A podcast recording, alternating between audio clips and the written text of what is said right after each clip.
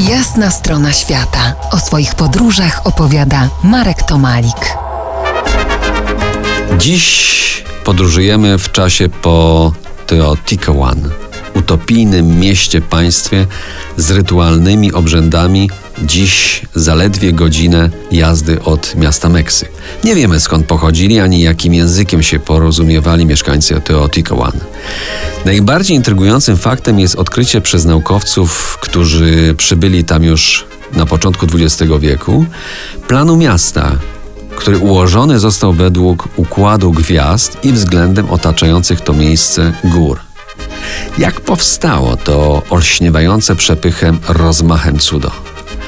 Otóż spekulanci historyczni uważają, że przybywający tam ludzie ze wszystkich zakątków Mezoameryki próbowali stworzyć utopijne miasto, istny raj na ziemi, gdzie głównie panującymi zasadami miały być ład i porządek. Więc nie czczono władców, podobnie jak nie było kultu jednostki, a dominował kult jedności. I to jest ciekawa koncepcja, bo trąci rajem.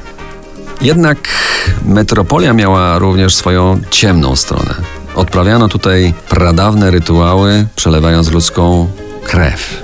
Złapani ludzie traktowani byli jako pożywienie dla bogów, których czcił pradawny lud. Ofiarom wyrywano bijące serca. Działo się to na specjalnych ołtarzach, na szczytach piramid, słońca i księżyca. Dowodem tych zbrodni miało być znalezienie przez archeologów ponad 200 szkieletów, niektórych nawet ze związanymi rękoma.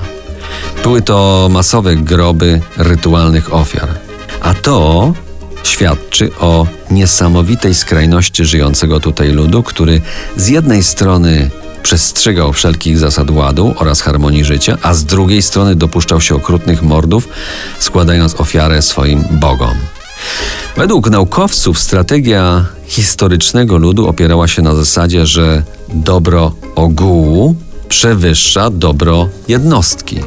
A to już znamy i słyszeliśmy wielokrotnie. I teraz, przyglądając się starożytnemu Teotihuacan, widzimy w nim odbicie naszej cywilizacji. To wszystko samsara, krąg przemian, cykl przewrotów, nieustanne wędrowanie, czyli kołowrót narodzin śmierci. Nihil novi. Była jasna strona świata w RMF Classic.